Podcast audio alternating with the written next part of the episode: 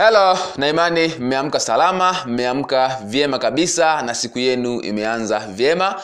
Uh, moja kwa moja bila kupoteza muda katika siku ya leo ningependa kushare na wewe kitu kimoja muhimu sana katika kuuza bidhaa ama huduma. Haijalishi wewe unauza kitu gani aidha ni bidhaa ama ni huduma aidha unauza nje ama ni ndani ya mtandao kitu hiki kimeathiri biashara nyingi na biashara nyingi sana zimekufa kwa sababu ya kitu hiki kwa sababu gani? Kwa sababu mazingira ya kuuza bidhaa ama huduma yamebadilika. Okay? Nguvu ya kununua bidhaa ama huduma imehama kutoka kwa muuzaji kwenda kwa mteja. Sasa hivi mteja ndio ana nguvu katika biashara. Aidha ni kununua bidhaa ama ni huduma. Sio kwa muuzaji tena wateja hawamtafuti muuzaji wa bidhaa ama huduma kwa lengo la kupata taarifa kuhusu bidhaa ama huduma wanayoiuza ila wanamtafuta pale tu wanapohitaji kujua bei na, na kunegotiate bei. Kwa sababu gani? Kwa sababu taarifa zote za bidhaa ama huduma yako zipo kwenye mitandao zipo kwenye internet. Mteja akihitaji bidhaa fulani anaingia mtandaoni anaingia google ana search bidhaa anaandika faida zake hasara zake vipengele vyake anajua kila kitu kuhusu bidhaa ama huduma. Kwa hiyo sasa hivi wateja hawana haja ya kukutana na wauzaji wa bidhaa ama huduma. Kwa sababu gani? Kwa sababu wanajua kila kitu kuhusu bidhaa ama huduma. Kwa hiyo sasa hivi hakuna faida tena au hakuna maana tena ya makampuni mengi ama biashara nyingi kuwafundisha wauzaji wa bidhaa ama huduma kuhusu vipengele vya bidhaa kuwafundisha kuhusu faida za bidhaa na kazi za bidhaa. Kwa sababu wateja automatically sasa hivi wanajua kila kitu kuhusu kitu unachokiuza. Haijalishi unauza bidhaa gani sasa hivi kila bidhaa taarifa zake ziko mtandaoni. Kwa hiyo mteja anapokutafuta anakutafuta kwa ajili ya kunegotiate bei tu. Anauza tu bei lakini ameshajua kila kitu kuhusu bidhaa ama huduma. Kwa hiyo sasa hivi nguvu imehama kutoka kwa muuzaji kwenda kwa mteja. Wanaofanya maamuzi ya kununua bidhaa ama huduma sasa hivi ni wateja na vile vile wewe pia kama ujahama bado bado uko pale pale kwenye kukariri faida za bidhaa vipengele vyake na kazi zake upo kwenye hatari. Kwa sababu gani? Kwa sababu hicho kitu wateja hawakihitaji tena. Na ndio maana nimesema kipengele hiki ni muhimu sana na hii ni muhimu sana sana kwa sababu watu wengi wanatumia gharama kubwa kwenye kutangaza bidhaa na huduma lakini bado wanatumia staili ile ile ya zamani ya kuuza bidhaa huduma. Ndio maana inakuwa ni ngumu sana kuuza bidhaa na huduma watu wanapata wateja wengi sana lakini wanashindwa kuuza kwa sababu bado wanatumia mbinu za zamani za kuuza bidhaa mahuduma. Get me? Kwa hiyo basi somo la leo ni muhimu sana. Kwa hiyo nguvu imehama kutoka kwa muuzaji kwenda kwa mteja. Sasa hivi mwenye kufanya maamuzi ya kununua bidhaa mahuduma ni mteja na sio convincing power ya muuzaji. Kwa hiyo muuzaji pia anatakiwa abadilike asiishi katika mazingira ya zamani ambayo zamani muuzaji akiwa anajua akiwa, akiwa anajua vipengele vya bidhaa akiwa anajua faida na kazi za bidhaa basi ndio atakayeuza zaidi. Lakini sasa hivi mambo hayako hivyo. Sasa hivi focus imehama. Sasa hivi mazingira yamehama. Na wengi wanaolia katika soko sasa hivi ni wale ambao bado wanaishi katika ulimwengu wa zamani. Wa kukarili bidhaa yake. Bila kujua kwamba hicho kitu mteja tayari ameshakijua automatic. Kwa hiyo mteja akikutafuta jua anahitaji kitu kingine zaidi ya hicho kuna wengine sawa watahitaji vitu hivyo lakini kwa asilimia kubwa sasa hivi wateja wamekuwa na uelewa mkubwa kuliko hata wauzaji. Ni maana unaweza mteja anakuja kwenye biashara yako anaijua bidhaa kuliko hata wewe. Yaani anajua bidhaa yako kuliko hata wewe unaoiuza kwa sababu gani? Kwa sababu information ni nyingi taarifa ni nyingi taarifa zipo kila sehemu kwa sababu ya internet sio sawa na zamani. Zamani uh, wanasema nguvu ilikuwa kwa muuzaji lakini sasa ipo kwa mteja. Kwa hiyo basi the point iko hivi wewe kama muuzaji na bado unatumia mbinu za zamani za kuuza bidhaa ama huduma za kumwambia mteja kuhusu vipengele vyako vya bidhaa yako faida zake na kazi zake. Sasa hivi usifanye hivyo. Sasa hivi hamisha focus hamisha mtazamo kwenda kwa mteja. Focus yako sasa hivi ni kuijua biashara ya mteja wako kuliko hata biashara yako mwenyewe. Kwa nini nasema hivyo?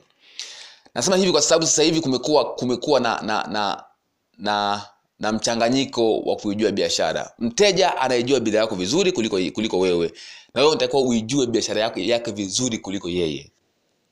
Kwa hiyo mazingira yamehama. You get me? Kwa hiyo sasa hivi sasa hivi ukitaka kuuza bidhaa ama huduma kwa wingi zaidi ongea zaidi na wateja wako kuliko kutumia nguvu kubwa kujifunza kuhusu bidhaa yako. Kwa sababu gani? Kwa sababu bidhaa yako tayari mteja wako anaijua. Ndio maana yangu. Get me? Kwa hiyo point ni kwamba wewe tumia nguvu nyingi sasa hivi kumjua mteja wako. Tumia nguvu nyingi kuijua biashara yako. Wateja huwa hawajali wewe unajua kuhusu biashara kuhusu bidhaa biashara yako kwa kiasi gani. Wanachojali ni kwamba unajali kuhusu wao kwa hiyo focus point, point yangu kubwa hapa ni kwamba hama kutoka kuwa muuzaji kwenda kuwa mshauri. Kwa nini? Kwa sababu mteja atakutafuta endapo ana, ana, ana, ameshajua kwamba wewe unaijua biashara yake na upo tayari kumsaidia kutimiza malengo yake ama kusovu tatizo lake. Na sio kwenda kumtajia vipengele vya bidhaa faida za bidhaa na kazi za bidhaa kama wengi wanavyofanya sasa hivi. Ndio maana kuuza inakuwa ni ngumu. Iko hivi sasa hivi muuzaji anayeongea na mteja wake kuhusu uhitaji wa wateja na kuhusu biashara ya mteja ndiyo anayeuza zaidi. Sio yule mtu ambaye anaijua bidhaa yake vizuri. Kwa hiyo hapo ndipo mabadiliko yametokea. Na hili somo ni muhimu sana kwa sababu people are paying a lot of money. Watu wanalipa hela nyingi sana kwa ajili ya kitu hiki. Lakini bila kujua tatizo liko wapi tatizo liko hapa. Kwamba nguvu imehama. Kwa hiyo wewe focus yako sasa hivi hata mteja akisha kutafuta focus yako kubwa iwe kwake sio kwenye bidhaa yako kwanza. Bidhaa yako hiyo ni kitu cha mwisho kabisa kukitaja. Kwa nini? Kwa sababu unatakiwa umsikilize yeye ujue anahitaji kutimiza kitu gani kwanza. Kwa sababu bidhaa yako anaijua tayari na ndio maana amekutafuta. You get me? Kwa sababu asinge ange, ange, angeamua kutafuta taarifa kwenye mtandao asinge kutafuta which means amekutafuta kwa lengo kuja kujua tu bei.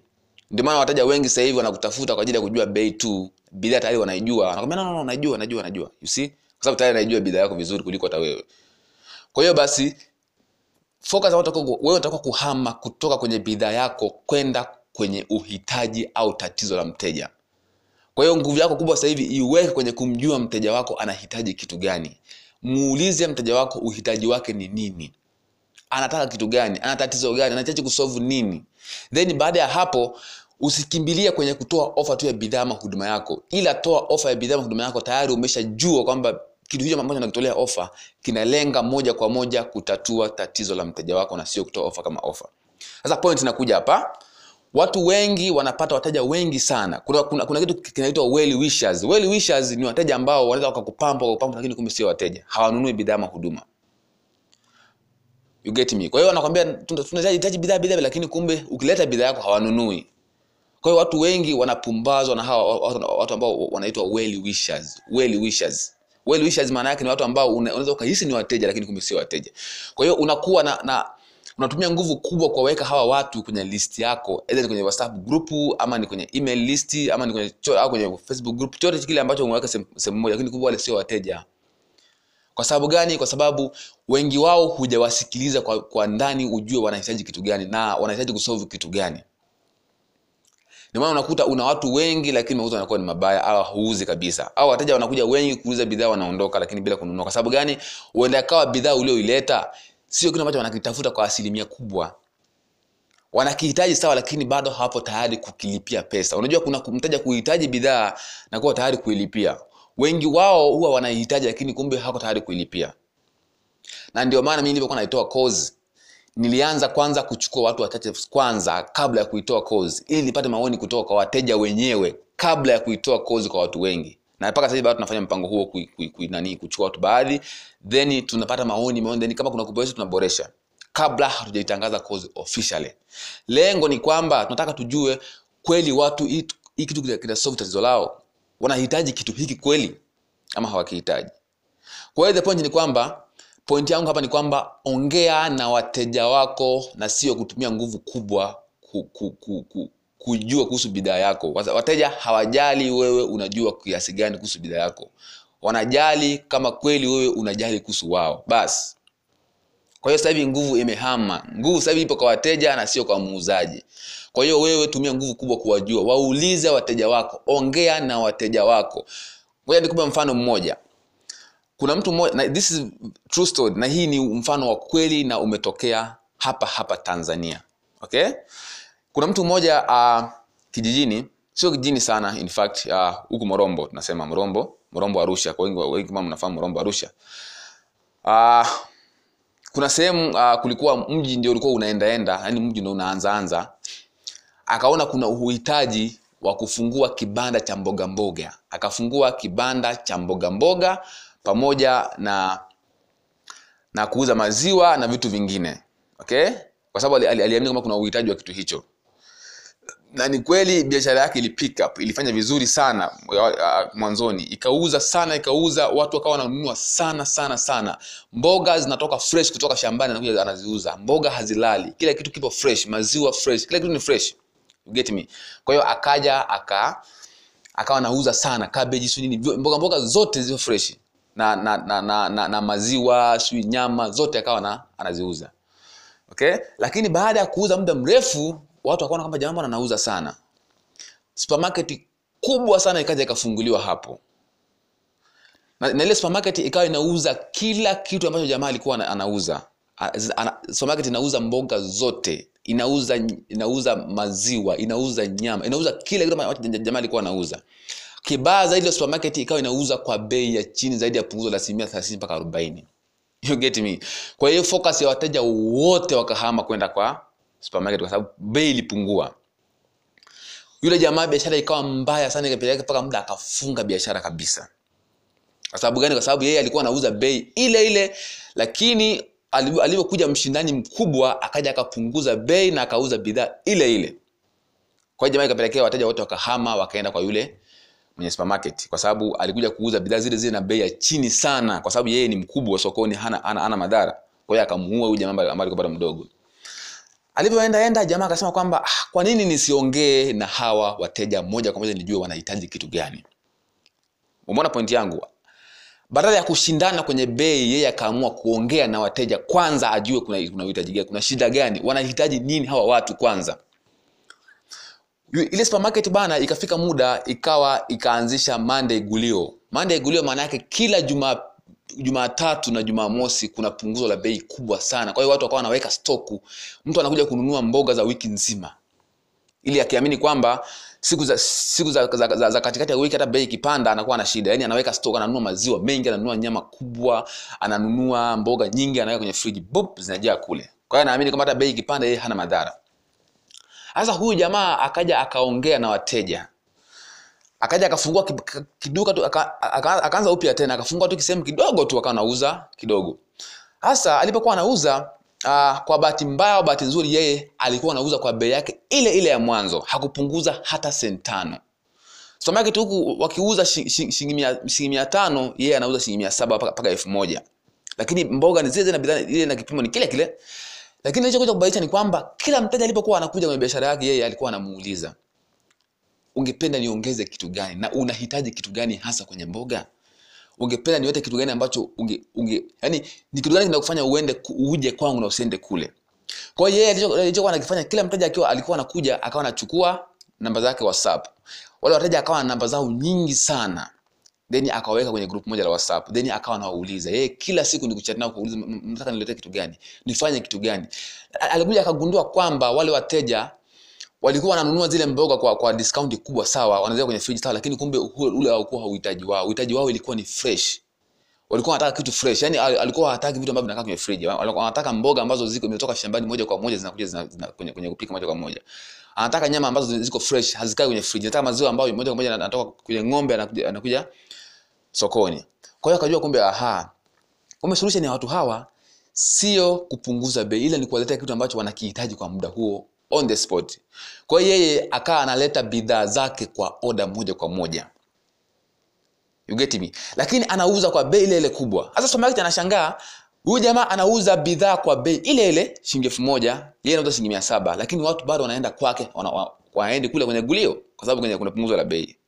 Kwa nini? Kwa sababu aliwaletea wateja kitu ambacho wanakihitaji moja kwa moja. Wateja huwa hawajali wewe unauza bidhaa bei kiasi gani. Kama umewaletea kitu ambacho wanakihitaji watalipia kwa hiyo alihamisha focus kutoka kwenye soko ikaenda kwa wateja. Alihamisha focus kutoka kwenye kujifikiria kuhusu bei akaenda kwa wateja. Kwa hiyo aliwaletea kitu ambacho wateja wanakihitaji na sio kitu ambacho soko linahitaji. Kwa hiyo focus ilihama.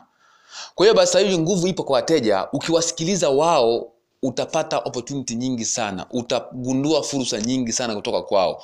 Usilete bidhaa ambayo soko hailihitaji lete bidhaa ambayo wateja wanahitaji moja kwa moja. Ongea na wateja. Sahii kwa sababu sahivi nguvu imehama kutoka katika wauzaji kwenda kwa mteja. Kwa hiyo ilikuja ikafika kipindi jamaa biashara yake ikawa kubwa sana. Kwa sababu gani? Kwa sababu alikuwa analeta vitu vitu kulingana na jinsi wateja wanavyohitaji. Kwa hiyo mteja hana sababu ya kukataa kununua kwa sababu alichokwambia ndicho ulichomletea kwa hiyo moja kwa moja atanunua. Kwa hiyo kuanzia sasa hivi anza kuongea na wateja wako moja kwa moja. Usi mteja muuliza maswali wauliza unahitaji kitu gani? Nini kiongezwe? Unahitaji nifanye kitu gani? Biashara yako yani jua biashara ya mteja wako kuliko hata yeye mwenyewe. Ijue vizuri then jua anahitaji kutimiza malengo gani then iposition bidhaa yako kama sehemu ya suluhisho au daraja la kufika kule anakotaka kwenda. You get me?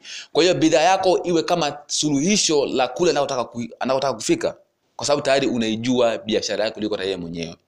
Ndio tunasema uh, uh, kuna kitu kinaitwa profiling. Profiling maana yake ni kumjua mteja wako kabla hata hujakutana naye. Kwa hiyo basi the bottom line ni kwamba focus yako kubwa ihame kutoka kwenye bidhaa unayoiuza kwenda kwa mteja wako. I hope utakuwa umeeleweka. Kwa hiyo uh, chukweni hiyo